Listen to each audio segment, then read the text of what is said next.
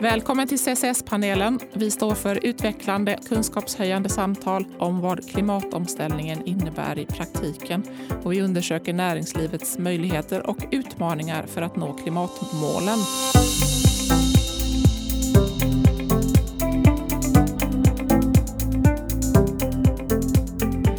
Tema för dagens samtal är åtgärder för att minska klimatpåverkan i fastighetsförvaltningen. Och jag har med mig två gäster idag där vi har möjlighet att gå in på likheter och skillnader mellan kommersiella fastigheter och fastigheter riktade till privatpersoner. Jag heter Sara Davidsson. Välkomna Karina Antin från K2A Fastigheter och Anna Denell, Vasakronan. Tack så mycket. Tack. Och vi är alla tre hållbarhetschefer till yrket. Bara en sån sak.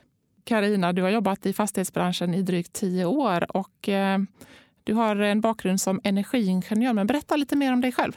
Ja, ehm, eh, tack för att jag får komma. Det känns jättespännande att vara här. Eh, jo, jag eh, började då min, min karriär kan man säga på, på ett arkitektkontor eh, som eh, energi och miljöingenjör och sen har jag varit konsult i drygt tio år innan jag hamnade på K2A och började där eh, som hållbarhetschef och eh, varit med i olika typer av eh, projekt kopplat till väldigt många olika typer av fastigheter, men också stadsbyggnad.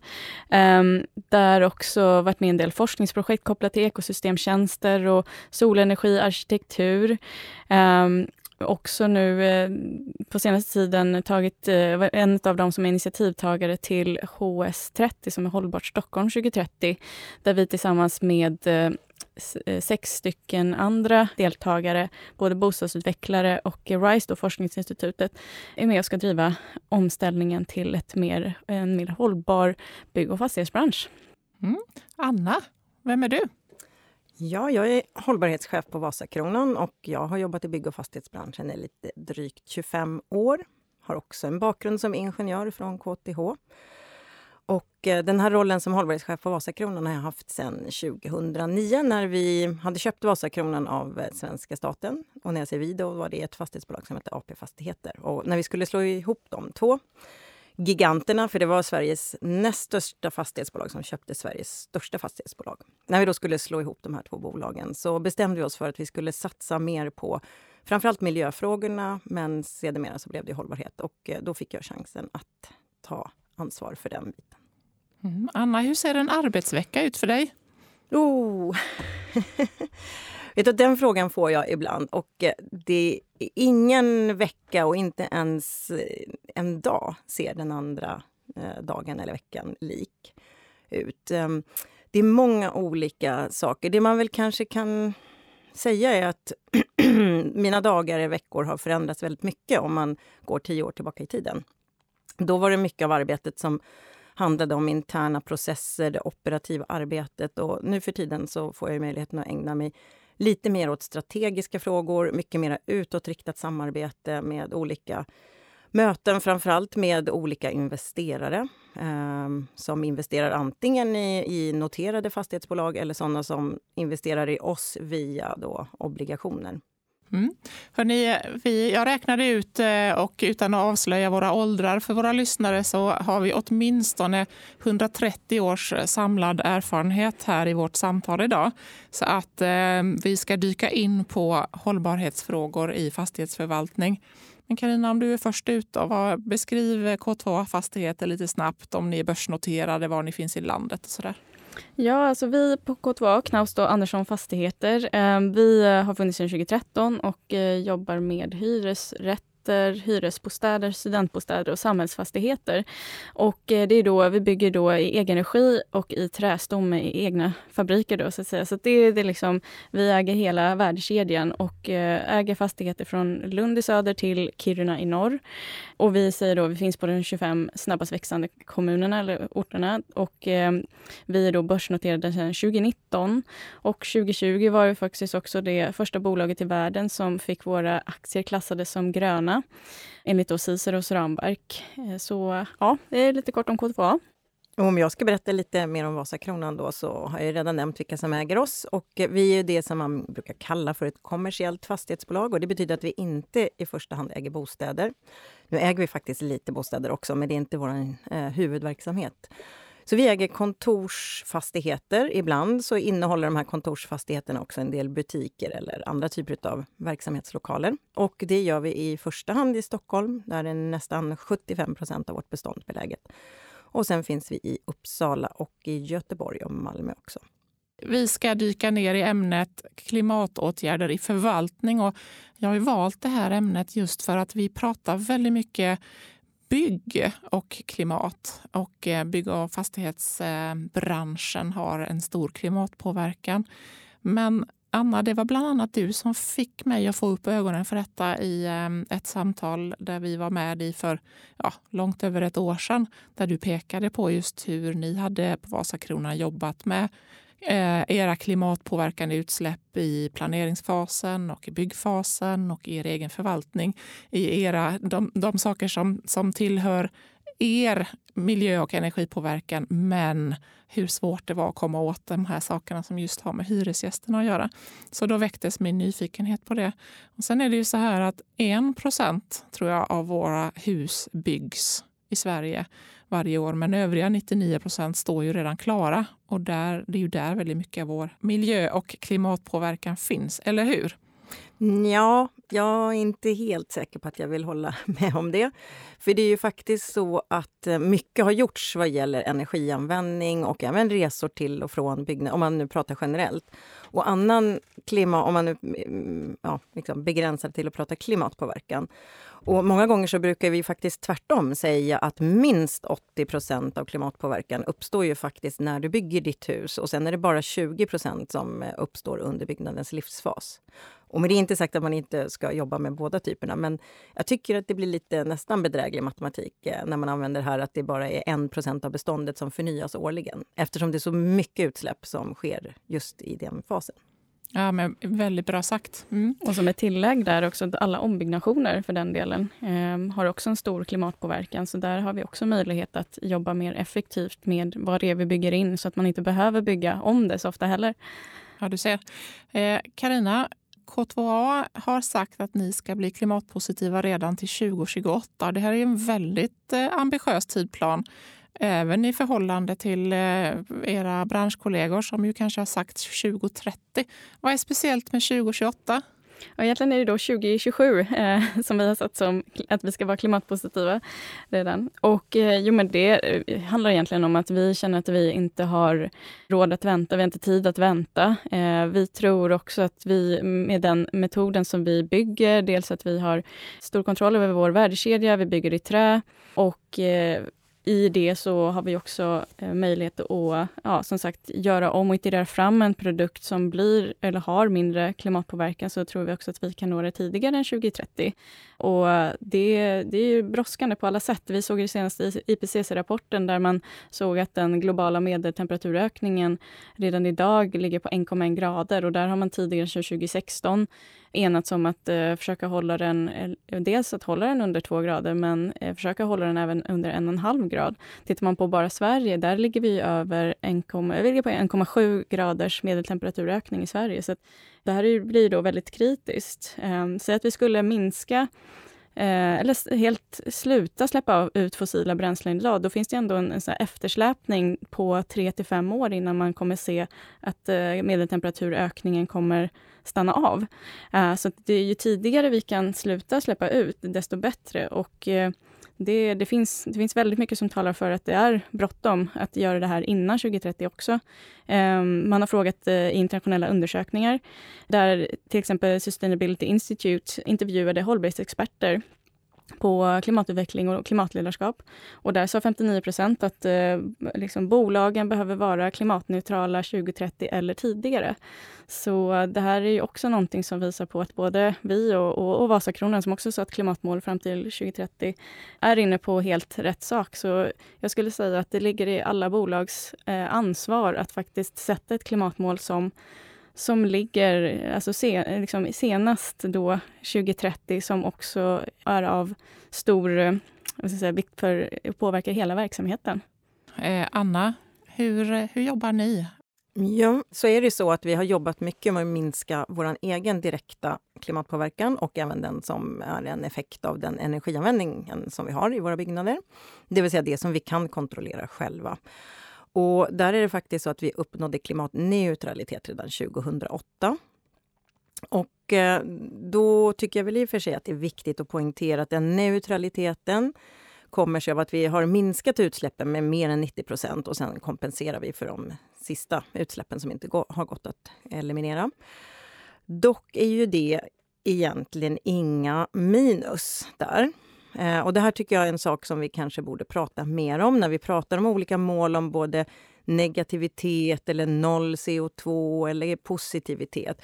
Vad är det egentligen för matematik vi ägnar oss åt? Eh, och nu är ju det här, liksom, vår kompensation är ju CDM-projekt eh, som har blivit godkända. Eh, och eh, man ska säga, Det är en kontrollerad börs och det finns en mekanism bakom som gör att de är vederhäftiga. Men jag vill ändå understryka att det är ju enbart projekt som undviker att motsvarande mängd utsläpp sker någon annanstans. Det vill säga, det är egentligen inte någon subtraktion, så matematiken går faktiskt inte ihop. Nu är det ju så alla gör som eh, försöker kompensera för sina utsläpp nu, så det är ingenting som jag skäms över eller tycker är dåligt att vi gör. Men det vi har sagt när vi då har eh, spänt bågen och säger att vi ska bli klimatneutrala i hela värdekedjan till 2030 är att vi tänker oss att 2030 så måste vi faktiskt se till att vi plockar bort motsvarande mängd CO2 som vi i sånt fall då fortfarande orsakar. Och därför så är ju egentligen målsättningen att i första hand minska våra utsläpp så mycket som möjligt. Och båda ni är, eh, pratar värdekedja och mm. eh, vi, podden här heter ju CCS-panelen. Men om vi börjar med värdekedjan. Menar ni samma sak när ni pratar, eh, säger det ordet? Karina, du nämnde till exempel att ni har egen produktion. Mm egna värdekedjan, dels så kan man säga eh, det är verksamheten plus då de externa eh, leverantörer eller intressenter som man är påverkad av. Så att för vår del blir det dels de som, alltifrån de som levererar råvaran till våra fabriker, klimatpåverkan i fabrikerna, från fabrik till byggplats och sen på byggplatsen men även då eh, in i förvaltningen och under förvaltningsskedet. Så att hela den kedjan och sen de kraven också ställer på våra leverantörer och, och till exempel hyresgäster i det. Och det är samma för dig, Anna? ja, jo, men det är det. Jag tror att det skiljer sig inte alls när vi pratar uppströms, eh, utan då är det samma scope. Det vill säga hela vägen från utvinning av råvaror som behövs för våra byggmaterial. Och, och, och, produktionen av dem, transporten till byggarbetsplats, energianvändning på byggarbetsplats och allting sånt. Där, där, finns det ganska vedertagna definitioner också som gör att det blir ganska enkelt att eh, både beskriva och sen se till att faktiskt också börja ställa krav i de här olika leden. Jag tror att där vi kanske eventuellt skiljer oss, det är då klimatpåverkan av att våra hyresgäster använder byggnaderna. Eh, dels för att eh, vi har väldigt olika typer av hyresgäster. Eh, det företag som jag jobbar på vänder sig i första hand till företag. Eh, Medan Karinas företag det är ju bostads, olika typer av bostäder och eh, också samhällsfastigheter som har liksom an, andra typer av hyresgäster. Mm. Och sen där ser jag också att man kan dra gränsen lite olika långt, eller vad man nu ska säga. Och de tre saker som vi har identifierat finns, så, ja, som hyresgästerna gör och där det finns en väldigt tydlig koppling till fastigheten och vad vi kan påverka som fastighetsägare så är det hyresgästens egen energianvändning. Och typiskt sett det, då, det, eller ja, det vi menar då är att hyresgästerna rätt så ofta har ett eget elabonnemang. Vi försörjer byggnaden med värme, kyla och fastighetsel, alltså el som driver ventilationsanläggning, om vi kanske har några egna kylmaskiner, rulltrappor, hissar, garageportar och sådana saker. Allmänna utrymmen i fastigheten. Men sen inne då, hos våra eh, hyresgäster, så har ju de belysning, datorer och annan typ av utrustning som de behöver i sin verksamhet och då har de ett eget abonnemang. Där ser vi att klimatpåverkan kan minskas genom att vi hjälper dem att minska den energianvändningen och att också se till att de använder förnybar energi. Sen har vi också inkluderat avfallet som våra hyresgäster alstrar. Det är jättesvårt för oss att avgöra hur, eller ja, hur mycket och vilken typ av avfall som de alstrar, för det styrs ju mycket av verksamheten som de bedriver. Men vi vet att om vi som fastighetsägare inte ser till att det finns bra möjligheter att sortera det här avfallet och kanske också guidar och hjälper dem att minska avfallsmängderna, så ja, då kommer ju klimatpåverkan från den delen fortsätta att vara ganska hög. Och slutligen då så jobbar vi också med våra hyresgästers resor till och från våra fastigheter. och det, vi vill ju att de ska komma till jobbet. Vi har ju sett hur tråkigt det blir när tom, husen är helt tomma. Eh, några av dem har ju varit det nu i 18 månader nästan under pandemin. Och meningen är ju att husen ska fyllas både med människor och verksamheter. Och då behövs det både transporter av varor och tjänster och så människorna eh, själva. Då. Och det ser vi att vi som fastighetsägare kan påverka hur de resorna sker genom olika typer av åtgärder. Och för det första så har vi en investeringsstrategi, att vi bara ska äga fastigheter som ligger i bra kollektivtrafiklägen. Att vi ser till att det går att parkera sin cykel om man har kanske antingen en ny fin elcykel eller någon annan sån här liten fräsig hoj eh, som kostar mycket pengar. Att man kanske vill duscha om man har cyklat, att det finns bilpool, att det finns laddinfra för elbilar och eh, ja, överhuvudtaget att vi underlättar för mer klimatvänliga sätt att transportera sig på. Det är väldigt många konkreta saker du listar här, eh, Anna. Det, men eh, om jag fick med allt så är det resorna, hyresgästernas resor, att ni också eh, hjälper till att identifiera avfall och hjälper till med att försöka sortera det och minska det. Och sen så också det här med hyresgästernas elabonnemang. Fick jag med allt? Mm. Sen kom jag i och för sig på en klok sak som Karina sa. Och det var ju det här med att vi anpassar befintliga byggnader ganska mycket. Alltså vi bygger om dem ganska mycket. Och det gör man ju både i bostadsfastigheter och i lokalbyggnader. De utsläppen skulle man ju på ett sätt också kunna eh, ja, liksom hänföra till hyresgästernas verksamhet. Men de utsläppen lägger vi faktiskt eh, ja, liksom rent bokföringstekniskt i, uppströms i, eh, vad ska man säga, ja, i våra byggutsläpp. Även om det inte då är att bygga huset nytt från början så är det ju då att anpassa och, och, och underhålla byggnaderna. Och det anser vi liksom inte är hyresgästernas ansvar. Mm. Hur kan man jobba med det? Oh, där finns det jättemycket att göra. Eh, jag brukar säga så här, det är ju rätt självklart att vi kommer att behöva anpassa våra byggnader. Om man till exempel tänker sig att vi har hyrt ut till ett tandläke, en, en tandläkarmottagning och så av något skäl så bestämmer de sig för att flytta från oss. Och så hittar vi en ny hyresgäst och det är ett advokatkontor. Då tror jag att alla människor förstår att någon typ av ombyggnad kommer vi behöva göra där. Men ett sätt att väldigt snabbt få ner klimatutsläppen från en sån ombyggnad är ju att i det fallet då återanvända byggmaterial. Och eh, kanske se till att om det är någonting från den här tandläkarmottagningen som faktiskt förtjänar ett andra liv någon annanstans, ja, då kan man återanvända det där. Och att när man bygger upp det här nya fina advokatkontoret så kan man göra det med eh, återbrukat byggmaterial och det kan bli precis lika snyggt och bra ändå. Man har ju varit på lite så kontor där det är lite snyggt. Det hintas om att det har varit ett gammalt mhm. bankvalv. Mm. Så det kanske går att liksom upgrada även såna liksom vintage tandläkarstolar mm. eller annat. Karina, mm. eh, ni arbetar ju med en helt annan form av hyresgäster. Alltså vanliga människor som bor i fastigheten och har det som bostad. Och också mycket unga människor. Jag vet att ni har en ganska aktiv dialog med era hyresgäster. Och eh, bland annat hittade jag en blankett där det står så här, vad kan jag göra för att minska min energi och vattenanvändning som hyresgäst? Berätta mer om hur ni jobbar. Ja, det är roligt att du hittade den. Det, den jag tyckte själv den var lite så bra begravd på vår hemsida. Men eh, jo, det handlar jag egentligen... med. Ja, ja men det, det handlar om att vi, vi vill ju främja en, en hållbar livsstil för våra boende. Och det, eh, på samma sätt som eh, Vasakronan, ni, ni tillhandahåller eh, elladdstolpar och elbilpool. Vi har eget då elbilspoolskoncept för våra hyresgäster som vi kallar för bobil. Eh, där de boende har möjlighet att eh, hyra en elbil helt enkelt, så de inte har något behov av en egen bil. Eh, och nu här till hösten så kommer vi också lansera vår egna ellåd cykelpool, där de boende på samma sätt via samma app som elbilen kan, kan hyra en ellådcykel då till ett förmånligt pris. Och det här är låst till våra boende. Sen har vi också löpande, dels löpande kundundersökningar och se vad är, vad är det våra eh, hyresgäster efterfrågar. Vill de ha mer grönytor eh, på innergårdarna eller saknar de eh, ytterligare en elbil? Eh, så, så ser vi till att ta hand om det. Till exempel odlingslådor eh, kan vara ett förslag som vi nu också har eh, tagit till oss. Ehm, och sen helt enkelt titta på beteenden. Den här eh, blanketten som du hittade på hemsidan, det, det handlar om att ehm, på något sätt så här nudge själv skapa inspiration till men hur kan man själv jobba med sin påverkan. Alltifrån att sortera där vi har eh, väldigt eh, generösa avfallssorteringsutrymmen. Eh, vi jobbar med Svanen så där kravställs det också eh, i våra nyproduktioner. Ehm, och i våra befintliga byggnader där har vi också sagt att vi ska ha samma, samma som gäller som för Svanen i nyproduktion med antal avfallsfraktioner. Ehm, så det är en sak. Eh, och sen har vi också eh, gett dem lite tips och inspiration till hur de kan eh, till exempel tänka på att spara på vatten. Och som du nämnde, vi har ju unga hyresgäster i form av studenter. Eh, och eh, för dem har vi sett att till exempel vattenanvändningen är väldigt hög. Ja, men hur kan man tänka där lite för att, för att spara på det och spara på eh, den klimatpåverkan som kommer från uppvärmningen av det varmvattnet.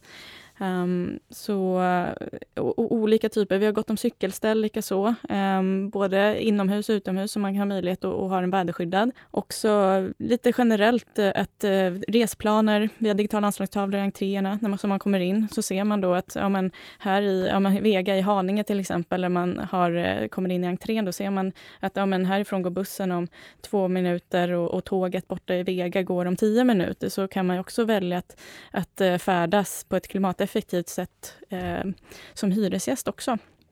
Och så. så det finns olika eh, sätt som vi försöker jobba med våra hyresgäster och också fånga upp. Vad är viktigt för dem? Eh, är det någonting som de efterfrågar som kopplar till en lägre eh, klimatpåverkan som till exempel ännu mer utökad avfallssortering eller matsortering där det kanske inte har funnits tidigare. Till exempel något projekt som vi har förvärvat.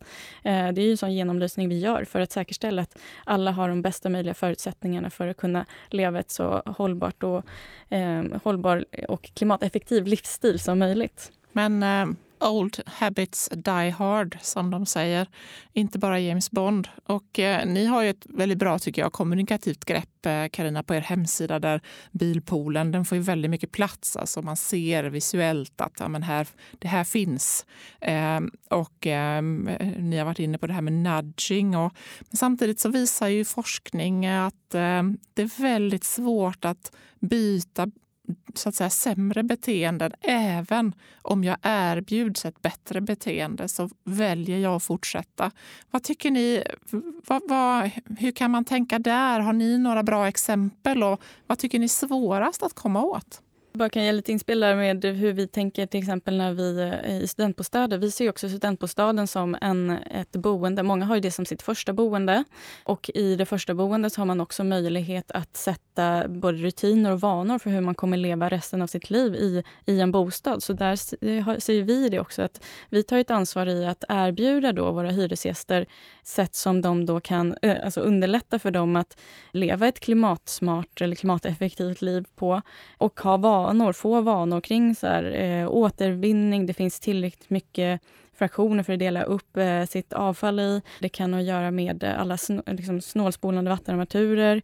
Att man då blir uppmuntrad via eh, boendewebben eh, då att eh, spara på både energi när man duschar eller kanske inte dra på man kan inte reglera värmen så mycket i bostäder själv, men att man tänker på lite mer hur man faktiskt, att man släcker lampor. Sådana så små saker som liksom många bäckar små bildar ju som sagt en å.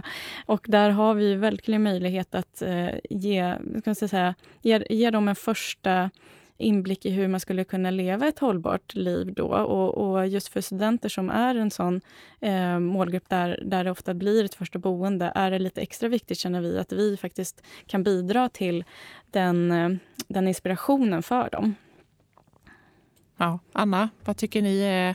Du har ju 25 års erfarenhet från, från eh, den här typen av, av eh, arbete och jobbat med hållbarhetsfrågor länge. Vad är svårast att komma åt när det gäller förvaltningen och eh, klimatåtgärder? Ja, jag är lite glad att du vidgade frågan, för det här med beteenden är ju väsentligt svårare om man tänker sig ett eh, stort kontorshus på kanske 25 000 kvadratmeter där det är hundratals individer varje dag. Där är det svårt att få liksom, den relationen till varje individ så att de väljer att göra någonting annat. Men så kan ju vi se nu de senaste åren så har vi fått ganska mycket frågor kring just det här med avfall och sortering hos, eller från våra hyresgäster. Alltså jag skulle vilja säga att det är mer än tio år sedan vi såg till att det fanns bra, bra och stora rymliga källsorteringsrum i alla våra fastigheter och matavfallssortering har vi också erbjudit och så. Men ändå så får vi då så här arga mejl, eller jag får arga samtal från personer som hyr lokaler hos oss. Och så säger de, varför kan inte vi sortera våra sopor? Och så ser jag ut som en fågelholk och tänker, men vadå, det kan ni ju. Men då visar det sig att det är så att det kan vara då, att trots att vi har kanske både avtalat om och eh, sett till att det finns förutsättningar för att sortera avfallet så är det ändå en del företag som inte riktigt orkar fullfölja det. Och då är det faktiskt just det här beteendet som man har lärt sig hemma. Man kanske lärde det sig redan i sin första studentbostad eller i alla fall man har liksom fått till ett jättebra förhållningssätt till avfall hemma. Och så blir man som människa jätteirriterad när man inte kan sortera sin lunchbox, salladslådan efter att man har ätit klart i pantryt och tycker att det, liksom, det är provocerande att behöva liksom slänga det här plastlocket och papperlådan i samma liksom, bytte här som jag ser att det också ligger bananskal och kaffesump. Så att även om det ibland kan ta tid så kan man säga att det, det, det, är ju åt andra hållet också. Då blir man ju irriterad när det är någon annan som försöker tvinga på en ett dåligt beteende när man själv har lärt om. Um, men annars var din fråga var egentligen vad är svårast generellt eh, och så. Så jag skulle nog ändå vilja säga att den stora utmaningen är nog inte bland våra hyresgäster. För det är relativt... Eh, det är för det första bara tre områden och eh, sen så ser vi att det finns teknik och möjlig, liksom, möjliga saker att göra där som faktiskt minskar utsläppen ganska mycket. Men det som kanske är lite svårt är ju faktiskt de byggrelaterade utsläppen och framförallt det vi redan varit inne på, det här med alla anpassningar av lokaler ständigt och jämt. För att eh, jag tycker väl kanske om man tittar på hela bygg och fastighetsbranschen nu så har vi kanske under de senaste åren ändå fått upp ögonen för att det är viktigt att fokusera på de byggrelaterade utsläppen när man bygger nytt. Men sen tycker jag nog lite grann att de här anpassningarna flyger under radarn för att man tror eller tänker att det inte är så mycket. Och det är det ju inte i förhållande till att bygga till exempel ett stort nytt betonghus som alstrar väldigt mycket eh, klimatpåverkan per kvadratmeter. Men de utsläppen ska ju då i bästa fall ändå skrivas av under en väldigt lång livslängd på det här huset och stommen och grunden. Men de här anpassningarna som vi gör kan ju ibland ha så kort livslängd som under tre år. Och där behöver vi också få till vad ska man säga, beteendeförändringar och att vi behöver förflytta oss i tanken med hur vi egentligen ska hantera sådana saker. Ja, verkligen. Det är ett, stort område. Eh, det kan man ju relatera till också som ja, men som villaägare eller, eller så. Att, att mm. Anledningen till att vi bygger om är, behöver sällan ha att göra med att det faktiskt är utslitet eller mm, liksom, eh, dysfunktionellt. Nej, det är helt sant och det kan ju stora delar av bekantskapskretsen vittna om att när grannhuset eller, eller liksom, våningen ovanför eller under säljs så det första som händer är ju att det dyker upp en byggfirma och en jättestor container. Och, även, och det är många som säger att ah, du vet, lägenheten ovanför oss såldes. Och, och det, ja, förra grann, de, det sista de gjorde var att renovera köket och ändå så. Så, mm. så, att, så är det ju. Den här slit och släng-mentaliteten finns ju både på det personliga planet men även liksom bland, bland oss som individer i, liksom, när vi fattar beslut på våra olika företag. Ja, och då har vi hela skalan. För det är ju en sak att inte advokaten kan sitta i tandläkarstolen och ta emot sina kunder. Eller så kan han det. Eh, men, eh, men vi har också de här liksom mera nice to have-anpassningarna. Hur kommer vi åt detta? För det här är ju verkligen beteendeförändringar. Mm. Ja, vi, I hyresrätter så har vi egentligen inte att någon, någon får bygga om utan eh, det är ju vi som står för den ombyggnaden. Men där har vi också varit väldigt noga med att, eh, att till exempel bygga in material med väldigt hög kvalitet från början, så att man egentligen inte behöver bygga om allt för ofta. Eller ta, ta exemplet med eh, stambyte. Då har ju vi också valt att eh, just den byggmetoden vi har, så har vi placerat schakten ut mot korridoren. Så då innebär det också att det blir minimalt med ingrepp i byggnad, eller i lägenheten. Eh, och det går väldigt snabbt dessutom, så det blir inte så mycket störningar för hyresgästen. Så eh, det vi gör då som eh, hyresvärdar eller hyres, eh, fastighetsägare av hyreslägenheter, eh, det är ju att vi försöker bygga på ett sätt som gör att vi inte behöver bygga om särskilt ofta. Små detaljer som eh, köksluckorna har en liten fasad kant och den kanten kan du byta ut eh, om, om köksluckan blir sliten. Ehm, så man behöver inte liksom byta ut en hel lucka eller renovera ett helt kök. Likaså har vi parkett som är, som är väldigt slitstark i våra lägenheter, så den behöver man inte heller byta särskilt ofta. Så att hela tiden tänka på att, och det har vi möjlighet att göra då också, vi, vi bygger för evighetslång förvaltning, så det ligger i vårt egenintresse att vi bygger för att det ska hålla över väldigt lång tid. Och det tycker jag egentligen alla som bygger borde ha med sig förstås. Eh, sen är ju, ser det lite olika ut, förutsättningarna för olika, men, men att det ska vara ambitionen i alla fall att, att eh, man bygger så att saker inte ska kunna byggas om och byggs de om så ska de kunna cirkuleras också. Ja, jag klokt inspel just att det här med cirkularitet är ju att fatta rätt, så rätt beslut som möjligt från början. Eh, även om vårt samtalsämne här idag förutsätter ju någonstans liksom att huset redan finns. Då.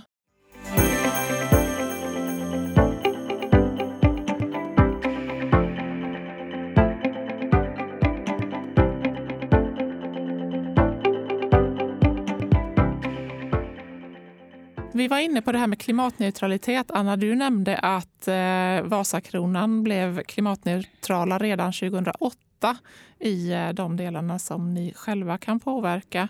Hur, eh, hur, vad jobbar ni med för verktyg när det gäller kolsänkor?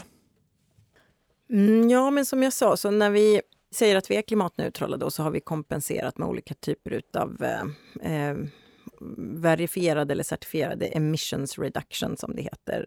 Och det är ju egentligen inte några kolsänkor eh, utan bara undvikna utsläpp någon annanstans. Och, eh, så jag tänkte, jag satt faktiskt och funderade på samma sak när eh, K2 säger att ni ska bli positiva. Liksom, var, var ligger era plusposter? Men, men däremot så kan jag ju konstatera att vi har ju samtidigt kolsänkor i den mån man tycker att eh, trä massivt trä eller överhuvudtaget träråvaror som har en beständig funktion är en typ av kolsänka. Vi bygger redan idag eh, stora trähus i massivträ eller KL-trä och eh, vi gör också en del påbyggnader och så. Och sen använder vi rätt mycket trä även inne i vad ska man säga, inredningen i byggnaderna. Och i den mån man vetenskapligt skulle kunna hävda att eh, trä som man använder i en beständig applikation är en kolsänka, ja men då tror jag nog nästan att vi faktiskt skulle eh, vara neutrala eh, redan idag med hjälp av det vi själva gör och, och använda trä. Sen håller vi på att titta på andra kolsänkor. Biokol är ju till exempel en annan åtgärd som man skulle kunna vidta själva. Vi har inte gjort någonting ännu, men det tittar vi mycket på. Eh, och sen så kikar vi också på CCS-teknik som en möjlighet att kompensera med ett, eh, vad ska man säga, ett negativt utsläpp för våra utsläpp i framtiden. För det sa jag förut, 2030 när vi ska vara klimatneutrala så eh, kommer vi bara kalla oss neutrala om vi verkligen också har kunnat eh, mm, bidra till min, eh, vad ska man säga, en, en borttagande av motsvarande mängd CO2 ur atmosfären vid samma tidpunkt. Ja, där har ju ni, Anna, då en bra position eftersom Stockholm har kommit väldigt långt både när det gäller biokolanvändning och eh, bio-CCS, som där ju Stockholm Exergi ligger väldigt långt framme. Mm. Sen kan man ju köpa de här minuskol dioxidaktierna eh, som jag ibland kallar det för. Om man tänker CCS kan man ju köpa på andra ställen också förhoppningsvis fram mm. till 2030. Mm. Ja, och så finns det DAC, Direct Air ja. Capture. Mm. mm. Jag har ju en vision att jag tänker mig att man kanske har en eh, DAC kopplad till sin fläkt i köksfläkten framöver. Vad tror ni om det? Som fångar upp lite koldioxid från, från stekoset eller, ja, precis, ja, eller utandningsluften. Precis, ja. mm. precis som vi idag fångar in, eh, vi, vi källsorterar och eh, även om vi nu hör här Anna att eh, vissa av era hyresgäster liksom har glömt bort den grejen. Det är ju, det, så vill vi ju inte ha det, eller hur? Men, eh, nej, men så att, ja, vi har ju sett i samhället hur mm. saker och ting flyttas fram. Som vi, det, för hundra år sedan hade vi inte rent kommunalt vatten. Idag är det ju ingen som tänker tanken ens att man skulle kunna vara utan det. Mm. kan man ha en liten dack i sin fläkt. Mm. Ja, precis. Spännande. Men jag tänker det också med, eh, jag håller med om det är jätteviktigt att skapa en äkta kolsänka. Ehm, jag tror eh, man kanske vill, lätt att villa bort sig om man bara tänker så här, men vi, vi bygger ehm, eh, en solcellspark eller vindkraftverkspark. Men det handlar om en additionalitet på nätet. Det är ingenting som blir liksom minus x i klimatkalkylen. Utan det handlar om, precis som du säger Anna, att, att man jobbar med tekniker som faktiskt är en minus, minus x-post om man säger. Ehm, Biokol, du var inne på, eh, planter, nyplantering av träd, eh, återställande av våtmarker. Det finns ganska många, som ni hade ett avsnitt med eh, just var en kolsänka också i CCS-panelen, eh, som var väldigt intressant. Men just där, där, det är de åtgärderna som är en äkta kolsänka som man behöver jobba med för att, för att få till den här minusposten. Eh, om det inte är så att man kan också eh, tillgodoräkna då trät eh, som man bygger in i en byggnad, så det biogena kolet, eh, att man lagar in det. Men då handlar det om att man kanske behöver lagra in det så pass länge eh, säkerställa att det inte återgår till, alltså vid end of life, att det inte blir, eh, går till energiutvinning utan att det återanvänds till nya applikationer eller nya produkter. Att det lagras in längre än, än eh, liksom, ifall att byggnaden behöver då, inte rivas utan demonteras som jag försöker säga. Eh, och då eh, det här ingående produkten eller träet, att det återanvänds eller, eller helt enkelt inte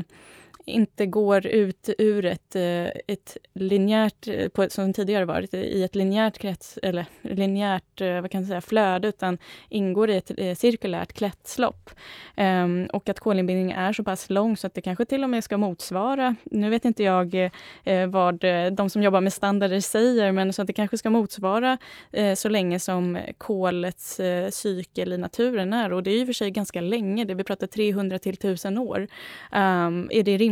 Eh, kan man räkna på, eh, hur kan man räkna på det här? Och det här blir också en utmaning att titta på eh, inför att eh, fler och fler bolag då sätter mål om att bli klimatneutrala, klimatpositiva. Hur säkerställer vi att, att det vi bygger, det kolet vi lagrar in, att det lagras in över väldigt lång tid eller i alla fall inte återgår i form av eh, eh energiutvinst så att eh, det här bara går ut i atmosfären. Då kanske bio-CCS i slutändan är till exempel ett alternativ men, men det här är någonting man behöver titta titta på.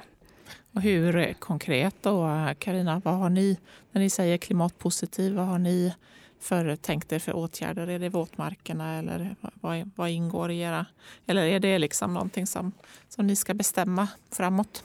Ja, men precis som du säger, vi, vi håller på att titta på alla de här åtgärderna som innebär då en, en äkta kolsänka och sen har eh, diskussioner om vad, hur, hur eh, räknar vi eh, liksom i våra hus och, och, så. Det finns olika forsknings... Eh, projekt där man har tittat på vad det skulle innebära om man kunde tillgodoräkna det biorena kolet. Men det är inte bara det som vi vill göra. Vi vill faktiskt bidra med en minuspost någonstans.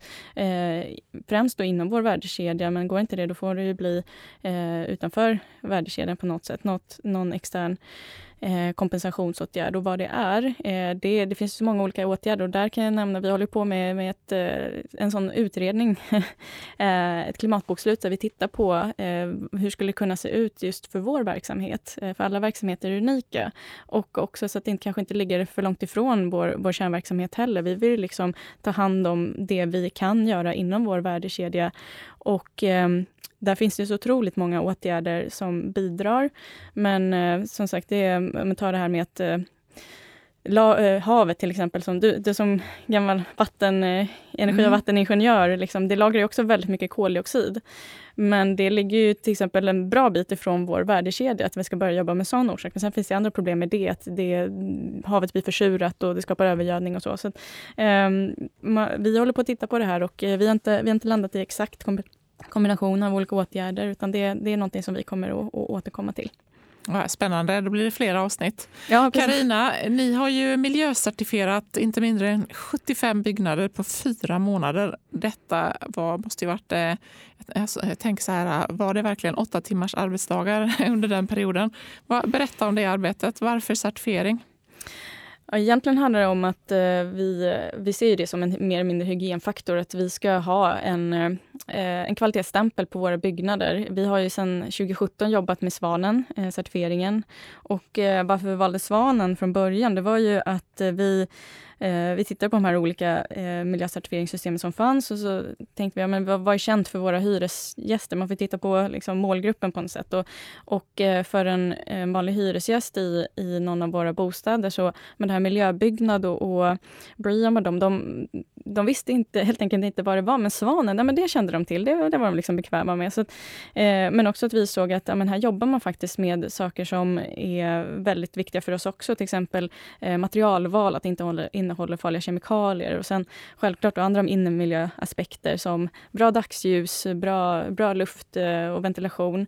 Eh, också då gröna åtgärder som till exempel, eh, man får ju poäng för så här, insektsholkar och gröna tak och så vidare. Det är någonting som vi har jobbat med ändå. Men eh, det här var ju liksom som en form av eh, eh ska säga, kvalitetsstämpel, men också då att vi ser eh, att det, de här certifieringarna också möjliggör till exempel att vi får gröna lån, vi får lägre eh, låneränta. Eh, vi får också ehm, när vi emitterar gröna obligationer så får vi det till en lägre ränta. Så det, det finns många mervärden med att certifiera. Eh, så det, det, är helt enkelt en form av kvalitetssäkring för oss eh, på olika sätt. Ska jag säga. Ja, kvalitetssäkring det är ju, eh, kan man ju tänka är en slags hygienfaktor, men ser ni att det är en affärsmässig fördel också? Ja, absolut. Eh, som, som jag nämnde så har ju vi fått, eh, ja, men till exempel man får rabatt på, på gröna lån och, och gröna obligationer. Men sen så ser vi också att den dagen, nu ser inte marknaden ut så, men den dagen som en, en eh, bostadshyresgäst har möjlighet att kanske välja vart den vill bo. För att det, det finns ingen bostadsbrist utan det finns ett stort utbud. Då på samma sätt som man väljer en, en ekologisk mjölk istället för en vanlig mjölk så kanske man väljer ett miljöcertifierat hus istället för ett icke miljöcertifierat hus. Så för oss handlar det också om att, att långsiktigt jobba med ett värde som i framtiden också kommer ge utdelning.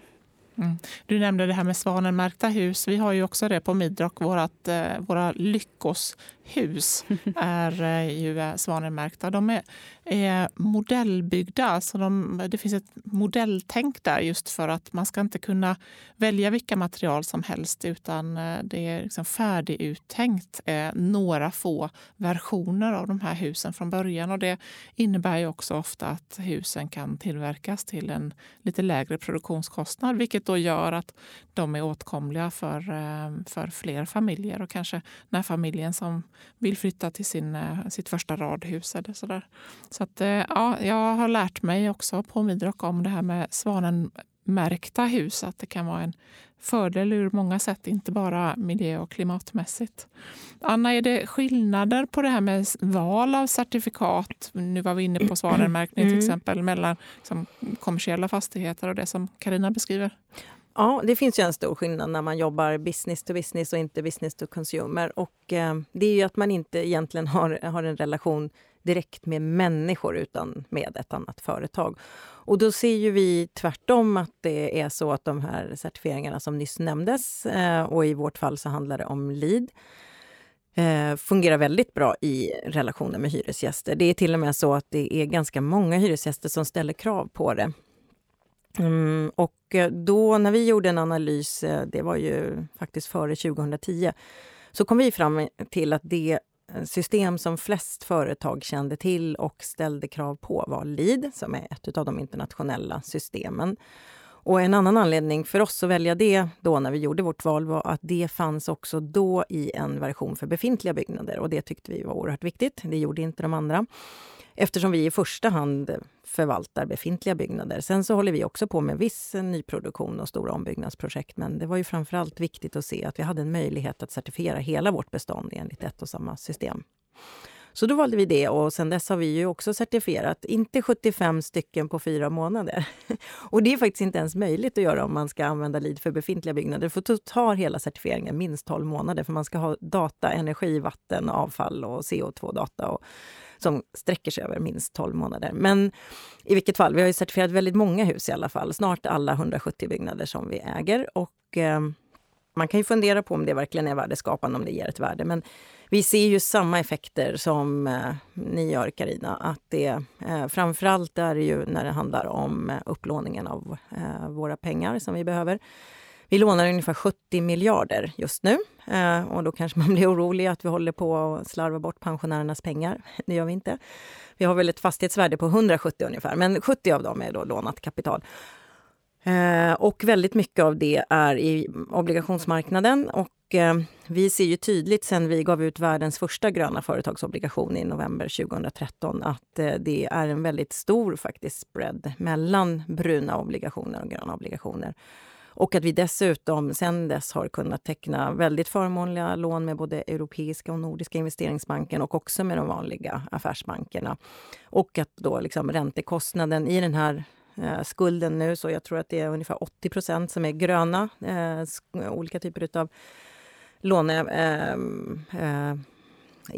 Ehm, eh, eh, och vi ser ju tydligt att räntan på dem är ju väsentligt lägre än de här kvarvarande bruna låneinstrumenten som vi har. Men är inte det bara en trend? Ja, på ett sätt skulle man kunna se det så. Och jag tror ju inte att det kommer vara, hur ska man säga, en, en step-up. Eller ja, alltså att det kommer vara en ränterabatt på de gröna lånen i framtiden. Utan tvärtom att det kommer vara oerhört svårt och oerhört dyrt att låna till allt som inte är grönt. Och det är väl en sån transition vi liksom just nu är. Eh, och där tror jag att eh, e EU-taxonomin till exempel kommer att hjälpa marknaden att snabbare förstå vad som är grönt och vad som är brunt.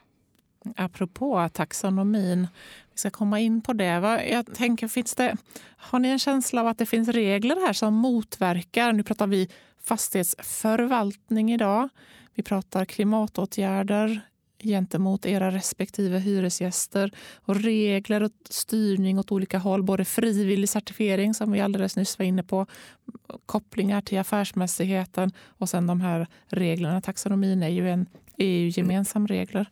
Vad säger ni, finns det regler som motverkar eller förstärker det vi vill åt, nämligen minskad klimatpåverkan? Mm, jag har flera exempel, men jag tycker kanske inte så mycket att de finns i förvaltningen utan mera inom bygg. Eh, framförallt så kan jag tycka att det är lite konstigt då när ni som vill framställa er som det, det grönaste eh, bostadsbolaget. Och, och det är ni nog också, eh, så det var ingen kritik, illa dold kritik. Utan Eh, då tänker jag så här, ni borde ju säga så här, vårt mission är att försöka hitta gamla fulhus som inte kan användas till kontor eller till vad det nu är. Alltså, och så bygga om dem till bostäder. För det är det allra grönaste faktiskt, att försöka ta hand om något som redan finns. Och, in, och, och sen tycker jag att det är jättebra att bygga i trä. Så, som sagt det var inte någon, eh, någon kritik alls. Men Um, och där finns det ju massor med hinder och regelverk som, som gör att det faktiskt inte skulle vara möjligt. Så att jag fattar ju att ni har landat i det ni, det ni gör. Mm. Men, men vi stöter ju på sådana exempel ofta där det, man kan liksom räkna ut att det här vore det bästa ur miljö, miljö, klimat och resursperspektiv. Men det går faktiskt inte att göra för att lagarna förhindrar det. Till exempel då om man skulle vilja konvertera bos, äh, byggnader till bostäder eftersom det finns ett behov av flera bostäder och ibland finns det byggnader som inte längre liksom lämpar sig för det ursprungliga syftet. Men eh, då är det ju så att ska man bygga om ett hus till bostäder då träffar ju alla nybyggnadsregler in på den ombyggnaden. Och eh, det är klart att vi ska ha sunda och bra bostäder, ingenting annat. Men en del av de nybyggnadsregler som vi har är kanske faktiskt att betrakta som någon form av lyxkonsumtion som vi inte längre kan tillåta oss. Mm, och jag, jag, delar din bild där. Det just, eh, vi har tittat på det, att, att, bygga om också befintliga byggnader. Och just det här regelverket som, som eh, hindrar och, och byggnadernas skick också. Eh, I vissa fall går det inte att till, tillgodose tillgänglighetskrav eh, också. Det är väldigt svårt. Eh, och eh, vi, kommunen blir allt skarpare när det gäller sådana faktorer och eh, som du säger, BBR nybyggnadskraven, dagsljuskrav och så vidare. Ehm, och det, det, finns som sagt fortfarande ett eh, stort behov av, av, nya bostäder och då tänker vi om det, om det är så att man behöver bygga nytt, låt oss göra det på bästa möjliga sätt och det är lite därför vi har, vi har tagit oss an den rollen att så här, om man nu ska bygga nytt då, då, får vi göra det på ett så pass miljömässigt effektivt och, och, klimatmässigt effektivt sätt som, som möjligt. Men jag jag håller helt med dig. Man, man behöver också tillvarata de resurserna på ett sätt. Om det inte går att, att använda en befintlig byggnad rent så som den är byggd, går det då att, det får man ställa sig frågan, går det att demontera den och använda de ingående komponenterna på ett effektivt sätt när man då bygger nytt så man inte behöver använda just jungfruliga material till den här nyproduktionen. Och, och det tycker jag är en väldigt spännande ingång i hur vi använder våra resurser på ett mer effektivt sätt. För det här är också någonting som vi kommer behöva göra mer och mer för vi har inte allt för mycket jungfruliga material att, att, eh, eh, som är tillgängliga. Vi kommer behöva, till exempel ser man nu det som händer med Cementa på, på Gotland. Eh, hur, eh, hur använder vi den betongen som redan har byggts någon gång? Eh, skogen ska räcka till både värmeproduktion och massaproduktion. Kommer räcka till, eh, till bostads eller hus, eh, kontorsbyggnation.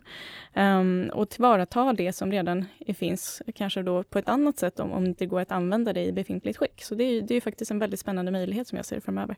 Música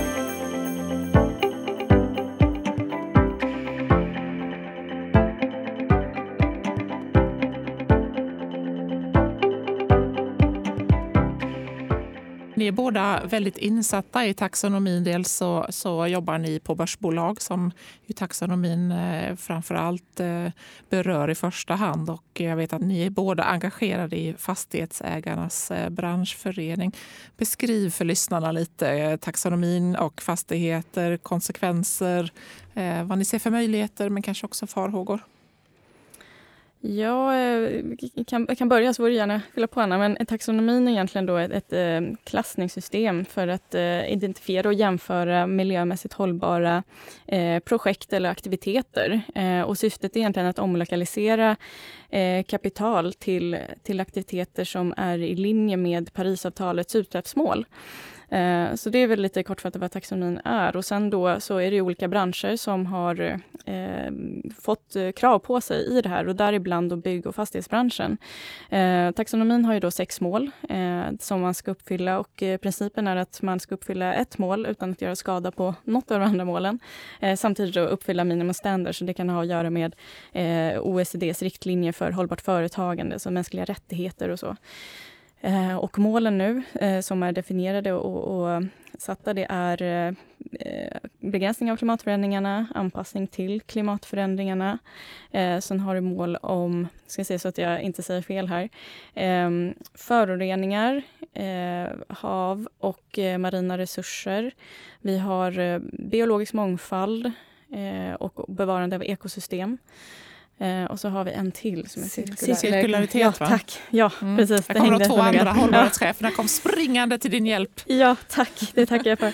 äh, men så att, eh, och, och, det här är då, då har man satt för mål 1 och 2, begränsning av klimatförändringar och anpassning till klimatförändringar. Där har man ju eh, beslutat också om de målen som, som finns. Men då för mål 36 eh, så är det fortfarande ett utkast. Eh, och eh, det är redan då från årsskiftet som kommer nu, där, från och med då, eh, ska, ju då ska det redovisas eh, ifall man då eh, berörs av hur stor andel av aktiviteterna i ett bolag som berörs av de här kraven och inte. Så man ska inte redovisa då hur grön man är, utan egentligen bara eh, hur stor andel av aktiviteterna som är berörda av kraven. Eh, och som sagt, taxonomin är den är, den är stor, eh, den är, innehåller väldigt, eh, alltså man, säga, man kommer väldigt verksamhetsnära när man jobbar med taxonomin. För helt plötsligt är det så att man, man kan ju inte som, ja, men, vi som sitter som hållbarhetschefer, vi har inte koll i detalj ifall man använder snål, snålspolande vattenarmatur i ett projekt eller inte. Utan då måste man verkligen eh, komma ner och fråga ut i verksamheten. Hur, hur jobbar ni egentligen? Vad finns då? Inventera byggnaderna. Vad har vi för någonting eh, när det gäller nyproduktion? För befintligt så är det ju eh, också mycket, eh, dels energikrav men men också klimatanpassning, att man har eh, gjort eh, klimatanpassningsåtgärder för att kunna klassas som gran så småningom. Men eh, framförallt klimatriskinventeringar också, att det finns för eh, både nyproduktion och då befintliga byggnader. Vill du fylla på, Anna? Nej, det var en väldigt bra beskrivning tycker jag. Imponerande Karina. Eh, utan i sånt fall skulle jag väl snarare vilja säga lite vad vi tycker om taxonomi. Ja. Mm. För vi tycker i grunden att det är välkommet att den här tas fram på EU-nivå. Det är väldigt viktigt, för vi måste nog faktiskt vara de som ställer oss främst i ledet och påpekar att det är en ganska stor risk för greenwashing, särskilt i bygg och fastighetsbranschen. Det finns väldigt billiga pengar i lånemarknaden och det finns fördelar även i investerarmarknaden på, på equity-sidan eller tillgångssidan eh, att framställa sig som grön. Och därför så finns det ju vad ska man säga, en uppenbar risk att eh, företag får sig att, eh, liksom framställer sig som mer gröna än vad man faktiskt är. Och då är det bra att det finns någonting som vi alla har att förhålla oss till. Sen är det ju så att det här är ett arbete som har det har gått ganska fort och eh, det är många branscher som berörs och vi har lite olika förutsättningar i de olika EU-länderna. Så det kan ibland liksom finnas delade uppfattningar eller olika uppfattningar om delade meningar om vad som är grönt eller inte. Och ibland kan man också kanske konstatera att de lite grann har fått saker om bakfoten. Och jag tycker väl en sak är att jag, jag saknar ju lite skarpare krav just kring klimatpåverkan och att bygga nytt. Jag trodde ju nästan att det kanske skulle finnas i do no significant harm-kriterierna. Mm. Att det liksom, eh, målet handlade om energieffektivitet, men på DNSH-sidan så skulle man se att man får inte ha för högt utsläpp per kvadratmeter när man bygger de här energia, energieffektiva kvadraten. Eh, nu säger man väl från EU-håll att det här räknar man med att det kommer att införas men att marknaden har nått olika mognadsgrad och det kanske är så att de nordiska länderna här ligger lite före i att ha fokus på så kallad embodied carbon, alltså utsläpp som sker i samband med att man bygger nya kvadrat. Sen är det ju så att vi är väldigt glada att man då har tillåtit, eller har liksom betraktat tillgångslaget, en befintlig byggnad som en, en aktivitet som kan vara grön. Och för det är ju det mest gröna, att försöka ta hand om och energieffektivisera de kvadraten som redan finns. Men vi tycker väl att den här lösningen med att säga att det då är de 15 procent mest energieffektiva kvadraten som ska anses vara gröna, det blir lite tokigt. För att eh, det kan ju dels leda till helt olika nivåer i olika länder. De 15% bästa husen i Sverige kanske har en helt annan energiprestanda än de 15% bästa byggnaderna i, i Irland eller Italien eller något annat EU-land. Eh, och att det hade varit bättre om man från början kanske hade bestämt sig för att så här mycket får en byggnad dra 2050 om vi ska klara Parisavtalet. Och, och sen också inte bara dra i energi utan kanske också beskriva någon form av vad ska man säga, utsläpp då för det här, eh, den eh, kilowattimmen. Eller ha då i kilo CO2 per kvadratmeter eller något sånt där. Och sen så skulle ju målet vara att 100% av alla byggnader faktiskt har nått det målet. För nu får man ju annars en konstruktion där man riskerar att de här 15 procenten i varje land eller region hela tiden liksom har en successiv förflyttning för man vill forts kunna fortsätta att tillhöra de 15 procenten för det finns uppenbara finansiella fördelar med det. Och att de andra 85 på något sätt blir kvar på perrongen för de har ingen chans att komma in där och då finns det ingen idé för dem att göra någonting. Och det skulle vara oerhört olyckligt om det är där man landar. En farhåga här är ju att eh, de här tävlingsreglerna riskerar att slå fel. De här 85 procenten, de ställer inte ens upp. Nej, men precis. Så vi är jätteglada att det finns kriterier för befintliga byggnader men vi hoppas ju att EU själva inser det här. Att det, på något sätt måste ju målet vara att andelen liksom, som klara kravet öka för varje år istället för att kravnivån i den här klicken av 15% successivt höjs. Mm, ja. Sista ordet lär inte vara sagt här och det här är ju helt nya regler även om alltså, förarbetet för att nå så här långt har ju pågått i många, många år redan. Ja, man ser ju också att eh, om man bara jämför kommersiella byggnader och icke-kommersiella så har man ju varit lite snällare vad gäller eh, bostäder. Då. Eh, till exempel behöver man i bostäder inte ta hänsyn till till exempel det här kravet på snålspolande vattenarmaturer som jag nämnde. Men vart är det vi gör av med mest vatten? Och inte hemma mm, när vi mm. duschar och lagar mm. mat. Och, så det, bara en sån sak speglar ju också lite vad man kanske har missat målet. Mm. Det, och så finns det flera saker som du nämnde Anna, liksom energikraven men, men, är skarpa men, men man ställer inte krav på till exempel eh, kravnivåer på klimatpåverkan vid nybyggnation. Som är, är bland den största, eh, en av de största eh, klimatpåverkansposterna vi har i, i fastighetsbranschen. Så att, eh, det är, men som du sa, precis som du sa Sara, sista ordet är inte sagt. Vi är ju båda med i Fastighetsägarnas taskforce taskforce eh, kring taxonomin och i den så tittar vi på hur vi kan göra det här tydligare för branschen i alla fall. Um, så att eh, ja, vi eh, fortsättning följer får jag säga där. Mm. Hörrni, och någonting som skiljer oss tre det är ju att eh, Midrock Properties är ju inte börsnoterat eh, och eh, omfattas då inte direkt av den här taxonomin eh, som det är nu då som ett lagkrav. Men eh, när tror ni att eh, privata fastighetsbolag som också har kommersiella fastigheter ska behöva ehm, jobba med de här kraven? Ja, jag, jag, jag, kan bara kortfattat säga att alla kommer beröras på något mm. sätt. Så är det ju. Um, om inte genom alltså, NFRD, alltså Non-Financial Reporting Directive, som går över och blir CSRD, alltså Corporate Sustainability Reporting Directive, där fler bolag kommer omfattas. Man kommer få frågan från sina leverantörer, från sina intressenter, från sitt försäkringsbolag, från sina investerare alla kommer beröras, till och med konsultbolagen. De kommer beröras i form att de, de behöver veta vad de projekterar in för lösningar som är taxonomikompatibla, eh, eller align som man säger. Eh, så att, och eh, alla de här certifieringssystemen behöver anpassas. Eh, Materialdatabaserna, de menar Basta, byggvarubedömningen och sånt det finns säkert fler, eh, behöver också veta med vad, vilka material i våra databaser uppfyller kraven för taxonomin. Och det, ja, det, alla alla på alla nivåer kommer att få frågan. Så att om man inte börjar jobba med det här redan nu så skulle jag säga att det är, det är hög tid att göra det. Då är man verkligen kvar på perrongen. Mm. Jag håller med dig. Det mm. kommer ju inte bli någon skillnad i slutändan och det är ju det som är meningen. Så att det här blir liksom en snabb standardisering eh, på grund av att kunder och eh, leverantörer hamnar i samma, eh, i samma dialog helt enkelt. Anna, du har blivit vald till eh, månadens stockholmare 2013. Hur lyckas man med det? Ja, ingenting för en göteborgare att satsa på. ja, men du kan väl berätta ändå? Nej, jag ska, det, precis, och det smäller inte så högt kanske om man inte kommer från den här delen av Sverige. Eh, men jag är faktiskt inte stockholmare i grunden. får jag säga.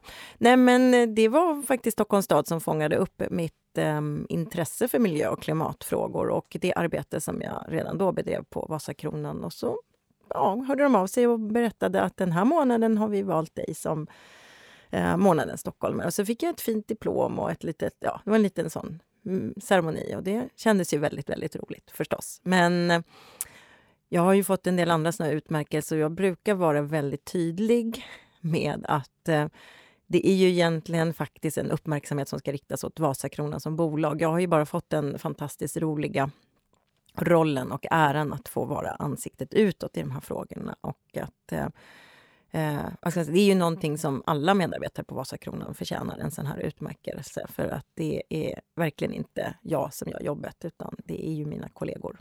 Jag håller med. Det gäller väl oss alla tre just i rollen som hållbarhetschef. Då får man göra många roliga saker och vara ansiktet utåt många gånger.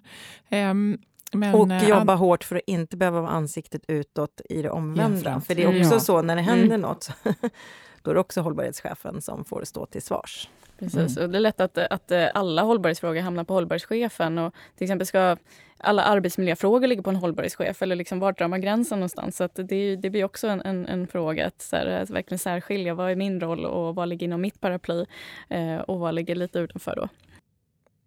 Ja, Karina, eh, vad är det bästa med ditt jobb? Och jag skulle vilja säga att jag känner verkligen att jag gör skillnad på riktigt. Så det, det gör ju att jag tycker att det är jättekul att gå till jobbet varje dag. Mm. Jag skulle vilja att innan vi lämnar det här samtalet att vi eh, berättar vad vi har fått för utbyte av det. För att eh, syftet är ju att det ska vara kunskapshöjande för våra lyssnare men också för oss själva.